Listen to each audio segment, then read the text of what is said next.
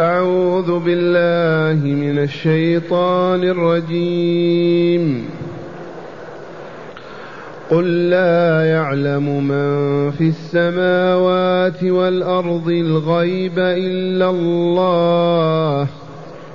وما يشعرون أيان يبعثون بل ادارك علمهم في الآخرة بل هم في شك منها بل هم منها عمون وقال الذين كفروا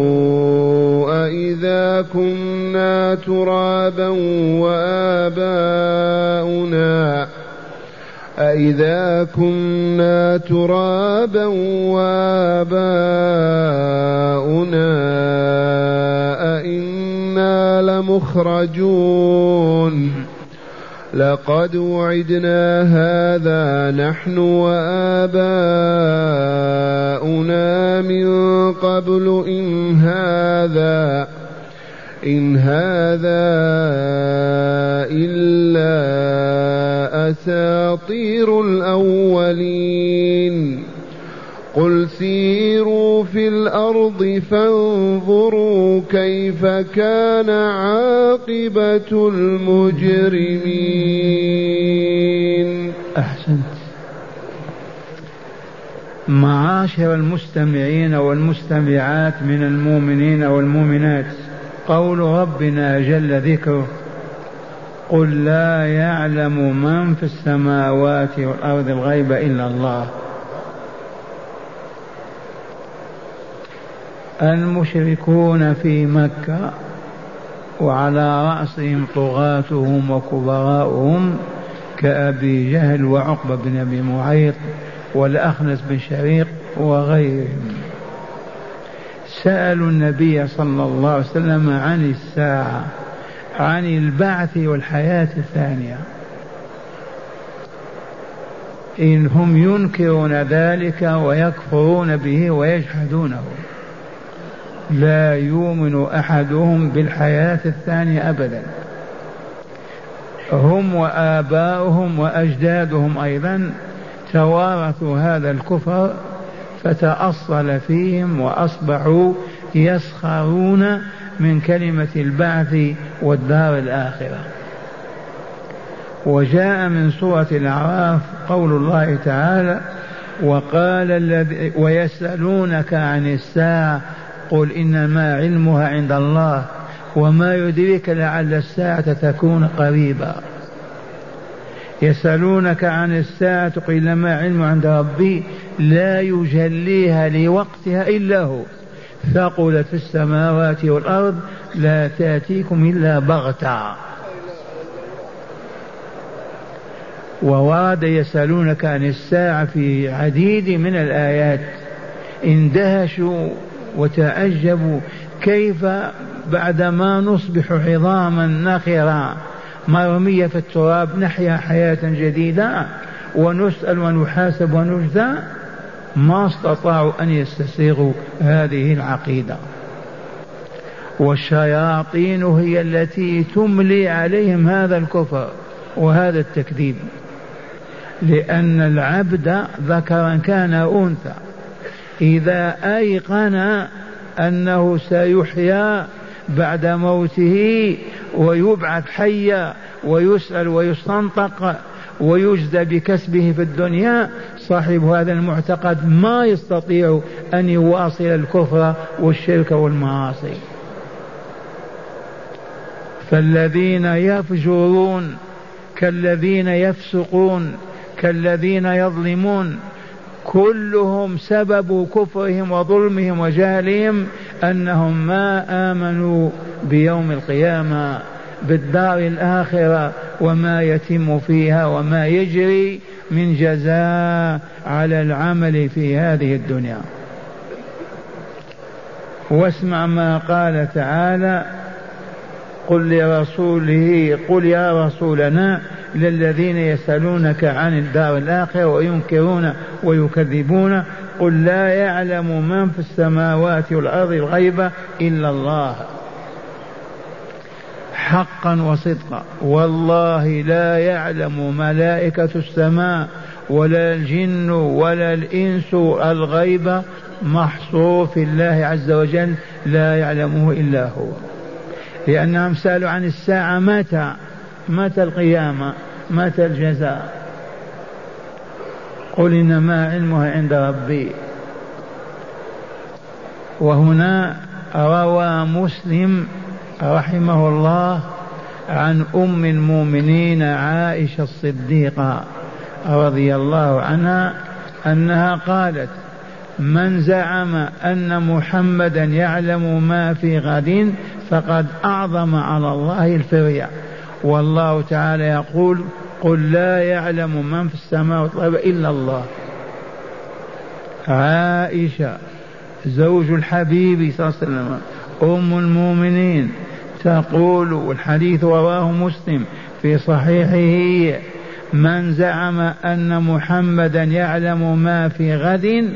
فقد افترى على الله فقد افترى أعظم فري على الله والله يقول قل لا يعلم من في السماوات الغيب إلا الله وهنا لطيفة أخرى إذ بعض المنجمين أو السحرة أو الدجالين يدعون علم الغيب فذكر القرطبي في تفسيره أن منجم من هؤلاء ضبط على عهد الحجاج بن يوسف وكان مالكا وحاكما فاستدعاه وهو مقيد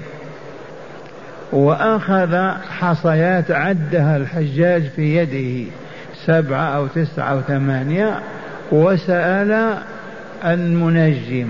كم قال سبعة أو ثمانية أصاب كما هي فأعاد الحجاج حصيات أخرى ولم يعدها وقال كم هذه ما عرف زاد مرة ثانية جعل حصيات في كفه وما عدها كم ما عرفها كم لما قال المنجم لما علمت أنت علمنا بعلمك ثبات أما ما دام غيبا لا يعلمه إلا الله فلا نعلمه نحن انتبهتم للطيفة هذه هذا المنجم اختبره الحجاج بن يوسف رحمه الله فأخذ حصيات وعدها في يده فقال كم هذه يا منجم قال سبع حصيات فهي سبعة إذا زاد عنها ونقص منها وقدمها كم ما ندري زاد مرة ثانية كم قال لا ندري لما ما دريت دريت هناك ولم تدري هنا قال لأنك لما أنت علمت عددا علمنا من علمك ما دمت أنت ما تعلم فلا يعلم هذا إلا الله وصدق رسول الله صلى الله عليه وسلم قل لا يعلم الغيب إلا الله ورضي الله عن عائشة رضي الله عنها قالت من زعم أن محمدا يعلم ما في غد فقد أعظم فقد افترى أعظم في رياء واستجلت بالآية الكريمة وهكذا نحن لا ندري ما الذي يتم لنا بعد دقيقة أبدا ولا بعد ساعة ولا بعد يوم ولا بعد ليلة إذ الغيب لله عز وجل فلما تطاول المشركون وطالبوا الرسول بأن يريهم آيات تدل على الساعة وسألوه فقال الله تعالى له قل لا لا يعلم من في السماوات أي من الملائكة ومن في الأرض والأرض أي البشر الغيب إلا الله وحده الغيب علم الله لا يعلم إلا من علمه الله وما يشركون وما يشعرون أيان يبعثون وما يشعر هؤلاء المشركون الكافرون المكذبون بالدار الآخرة بل المكذبون بالتوحيد والنبوة المحمدية ما يشعرون أيان يبعثون في أي لحظة في أي ساعة يموت ويبعث وقد علمنا الله ورسوله أن للساعة علامات تتقدمها فإذا ظهرت تلك العلامات قرب وقتها قبل وجود علاماتها لا نعزم لا نجزم بأنها تكون العام المقبل المقبل أو غدا أو بعد غد عشر علامات كبرى وعشرات العلامات صغرى وحسبكم من علامات الصغرى بعثة محمد صلى الله عليه وسلم إذ كان آخر الأنبياء والمرسلين والله يقول قد اقتربت الساعة وانشق القمر من أخبر بهذا الخبر الله والله قد اقتربت الساعة وانشق القمر لرسول صلى الله عليه وسلم والرسول الكريم يقول غير ما مر بعثت أنا والساعة كهاتين ويجمع بين أصبعيه الوسطى والسبابة بعثت أنا والساعة كهاتين والله يقول فقد جاء أشراطها فقد جاء أشراط الساعة أي علاماتها الدالة عليها وها نحن نقترب منها يوما بعد يوم لكن أولئك الذين في السماوات وفي الأرض ما يشعرون متى الساعة أبدا إذ استأثر الله بعلمها ولم يطلع عليه أحد من خلقه ما ننسى حديث الصديقة أبدا من زعم أن محمدا يعلم ما في غد فقد أعظم على الله الفرية والله يقول قل لا يعلم من في السماوات والأرض الغيب إلا الله وما يشعرون أيان يبعثون ثم قال تعالى بل ادارك علمهم في الآخرة ادارك وتدارك الجهال يرث بعضهم عن بعض الأولين والآخرين وجدوا آباهم ينكرون البعث أنكروا آباهم وجدوا آباهم ينكرون البعث أنكروا أجداد أجدادهم وهكذا تدارك علمهم في الآخرة بالجهل لا يؤمنون بالآخرة ولا يعرفون ما يجري فيها ولا ما يتم ولا عرفوا علة وجودها وسر وجودها لكن نحن والحمد لله علمنا الله فعلمنا فله الحمد والمنه فنقول سر هذه الحياة هذا الوجود لما لما أوجد الله هذه العوالم كلها من أجل أن يعبد فيها من أجل أن يذكر ويشكر والله العظيم واقرأوا وما خلقت الجن والإنس إلا ليعبدوني فقط لا لشيء آخر فما خلق السماوات والأرض والشمس والقمر وهذه الكائنات كلها من أجل أن يعبد فيها وسوف يفني هذه الحياة وينهيها وعما قريب ونحن نقترب من إنهائها ثم بعد ذلك حياة أخرى خالدة أبدية ما هي حياة عمل يتلقون بعدها الجزاء حياة جزاء فلهذا سر الحياة الآخرة الجزاء أيها الشغيل أيها العمل أين تتقاضون متى تتقاضون أجوركم غدا بعد غد لا وإنما يوم القيامة صم ثمانين سنة صل ألف سنة جاهد ورابط طول حياتك ما هناك جزاء اليوم هذه دار العمل واصل عملك مات الجزاء الجزاء يكون في الدار الآخرة وقد علمنا من لطائف العلم أن أحدنا إذا كان مؤمنا صادقا عبدا صالحا نفسه طهارة زكية عندما ياتي ملك الموت وهو على سرير الموت على فراش الموت تتجلى له الحقيقة وتظهر له كما هي فيرى أنه من أولياء الله ومن صالح عباده ويبشر بالملائكة بالجنة دار السلام وروحه يعرج بها إلى الملكوت الأعلى ويسجل اسمها في كتاب عليين وتعود للمحنة والامتحان في القبر ثم تعود إلى الجنة تسرح فيها كما تسرح الطيور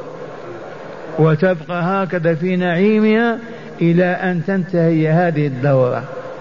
فإذا انتهت هذه الحياة أعاد الله خلق الأجسام بكلمة كونوا فيكونون ينفخ إصرافي النفخة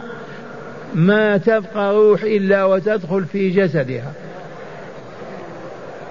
ويبعثون قياما هكذا إلى الحساب الدقيق ثم إلى الجزاء إما إلى فوق وإما إلى أسفل إما إلى عليين وإما إلى سجين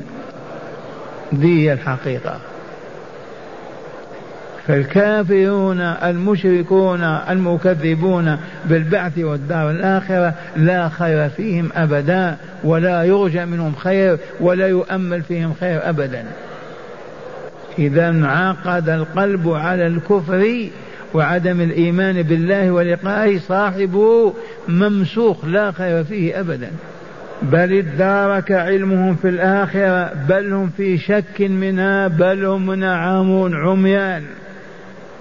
ولذا يتبجحون ويطالبون رسول هات الساعة هات القيامة تخبرنا كذا كذا يتحدونه وأمر الساعة إلى الله عز وجل بالدقيقة واللحظة ما هو بشهوات الناس وطلباتهم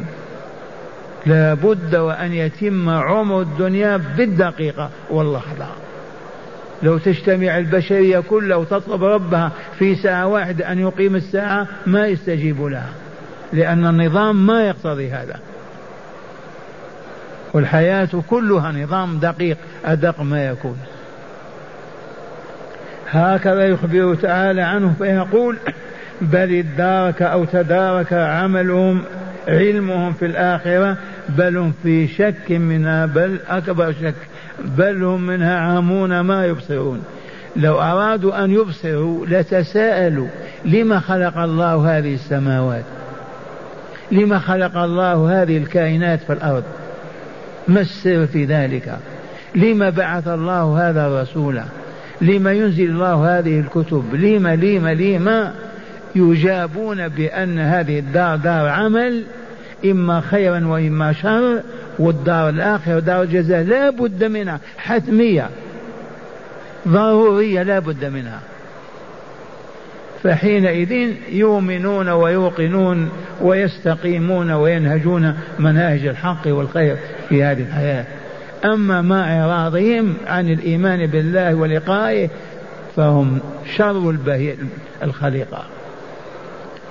وليس هذا في أهل مكة ومشركيها هذا ينطبق على هذه البلايين من اليابان والصين إلى أمريكا والأمريكان هذا العالم كله المؤمنون بالدار الآخر يعدون على رؤوس الأصابع في البلاد وهذا البلاء وهذا الشر وهذا الشغب والمحن التي تتوالى سببها الكفر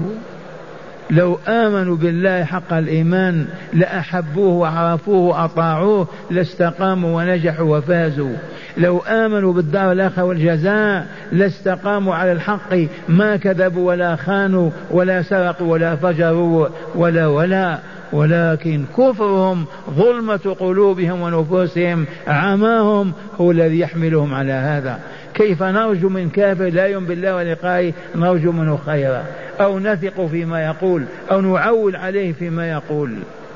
والله لا يصح أبدا ومع الأسف حتى المسلمون عقيدتهم مهلهلة ضعيفة إيمان يوم بيوم القيامة لكن ما يفكر لما يوم القيامة لما من أجل ماذا من أجل الحساب والجزاء فهيا نحاسب نفسي لا نقول إلا ما يرضي ربي لا نفعل إلا ما أذن فيه مولاي نجوع نعرى نعطش نمرض ما نخرج عن دائرة طلب رضا الله لكن الجهل صرفونا عن كتاب الله وعن هدي رسوله صلى الله عليه وسلم لو كان المسلمون في كل ليله من صلاة المغرب إلى صلاة العشاء يجتمعون اجتماعا هذا في مساجدهم في قراهم ومدنهم طول العام يبقى بينهم جاهل والله ما يبقى فإذا انتفى الجهل يوجد لص زاني حشاش مجرم والله ما يوجد إذ كل ظلم وشر وفساد نتيجة الجهل بالله وبمحابه ومساخطه عرف هذا العدو فصرفنا عن العلم وطلب العلم ثم قال تعالى وقال الذين كفروا أئذا كنا ترابا وآباؤنا أين لمخرجون أحياء بين الناس ذي كلمات يرددونها سخرية واستهزاء بالتكذيب والإنكار أئذا متنا وكنا ترابا وعظاما أين لمبعوثون أو آباؤنا الأولون قل إن الأولين والآخرين لمجموعون إلى ميقات يوم معلوم ثم إنكم أيها المكذبون الضالون الضال المكذبون ماذا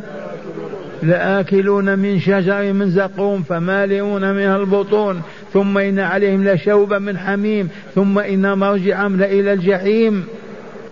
آيات البعث والجزاء ثلث ما في القرآن لأن العقيدة كما قلت لكم أركانها ستة وأعظم هذه الأركان أولا الإيمان بالله ربا وإلها لا رب غيره ولا إله سواه ثانيا الإيمان بالرسول النبي الخاتم محمد صلى الله عليه وسلم ثالثا الإيمان بالدار الآخرة وما يجري فيها من جزاء وما يتم فيها من قضاء إذا فقد العبد هذه الثلاثة هبط يصبح كماذا شر من القرادة والخنازير أما قال تعالى اسمعوا كلام الله إن الذين كفروا من أهل الكتاب والمشركين في نار جهنم خالدين فيها أولئك هم زيدوا شر البريئة أي الخليقة ما الخليقة فيها الكلاب والخنازير والقردة والمخلوقات من شر المخلوقات المشركون والكافرون المكذبون بلقاء الله والجزاء في الدار الآخرة هاسمع كيف يسخرون ويستهزئون أئذا كنا ترابا وآباؤنا أيضا أين لمخرجون من الأرض الذي أمات الذي أوجدكم أولا قادر على أن يميتكم فقد أماتكم والقادر على أن يميتكم قادر على أن يحييكم والله العظيم لا يرفض هذا العقل أبدا أنت ما كنت معدوما من أوجدك سيوجدك مرة ثانية أوجدك في اليابان يوجدك في الصين الذي أوجدك الآن يوجدك غدا ثم الذي يعدمك ويفقدك حياتك الآن وأنت تضحك ولا تبكي رغم أنفك يعجز أن يعيدك مرة ثانية لكن لا يعقلون ولا يفهمون ولا يتدبرون وقال الذين كفروا أئذا كنا ترابا وآباؤنا يعني أجداده يعنون أجدادهم وآباهم أئنا لمخرجون أي من قبورنا أحياء لقد وعدنا هذا نحن واباؤنا من قبل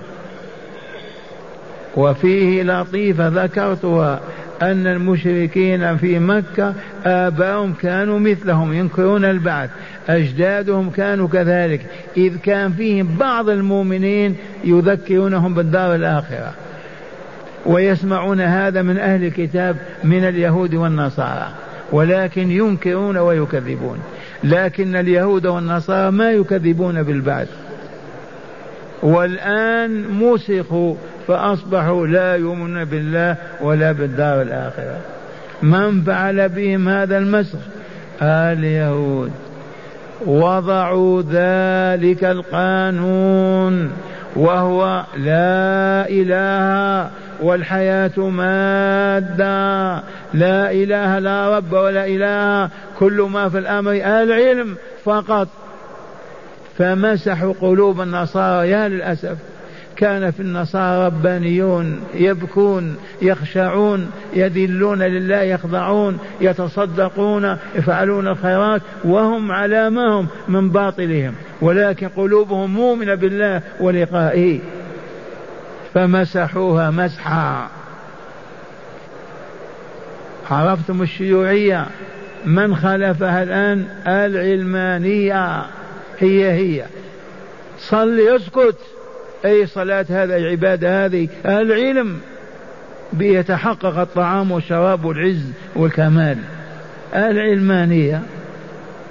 حتى ما يذكر الله فيخشونه ويخافونه أو يتعرفون إليه حتى ما يذكر الجزاء والدار الآخرة فيكفون عن الشر والخبث والفساد والباطل أإذا كنا ترابا وآباؤنا أئنا لمخرجون لقد وعدنا هذا نحن وآباؤنا من قبل إن هذا إلا أساطير الأولين هذه حكايات مكتوبة مسطرة في أوراق يزعم صاحبكم أنه يقول كذا وكذا ومن قال في اليهود وغيرهم كذلك ما هي إلا حكايات مسطرة ومكتوبة يتناقلونها ويدعون أن هناك حياة أخرى وجزاء على الكسب في الدنيا ذي كلماتهم في مكة نزل القرآن بها والآن يقولون هذا الكفار المشركون يقولون أبشع من هذا القول سلهم فقط قل لهم آمنوا بالله ولقائه يقولون أكثر من هذا إذ الذي يلعب بقلوبهم واحد هو إبليس لقد وعدنا هذا نحن واباؤنا من قبل ان هذا اي ما هذا الا اساطير الاولين فقال الله جل جلاله لرسوله وهو يعاني ويقاسي من هذا الشظف وهذا القول الباطل قل لهم سيروا في الأرض تفضلوا إلى اليمن انزوا بمنازل عاد وشاهدوا أين عاد من دمرها من أهلكها أليس الله أليس بقادر على أن يحيي إذن اذهبوا إلى الشمال انزلوا بمدائن صالح انظروا أين مدائن صالح أين تلك الأمة من أهلكها من دمرها أليس الله اتجهوا غربا إلى مدين إلى المؤتفكات إلى فرعون وانظروا من دمر تلك الأمم أليس الله فكيف إذا تنكرون أن يحيي الناس بعد موتهم